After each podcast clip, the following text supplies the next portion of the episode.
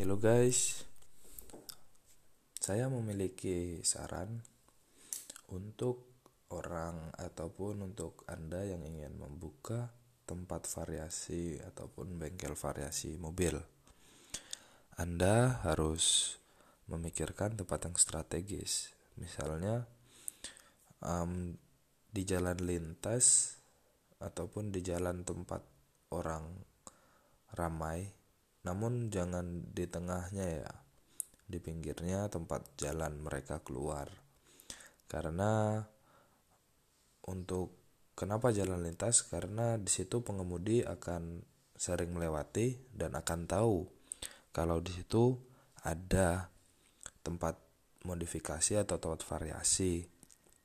Jadi mereka akan datang ke situ karena mereka mereka ini melihat pada saat melintas.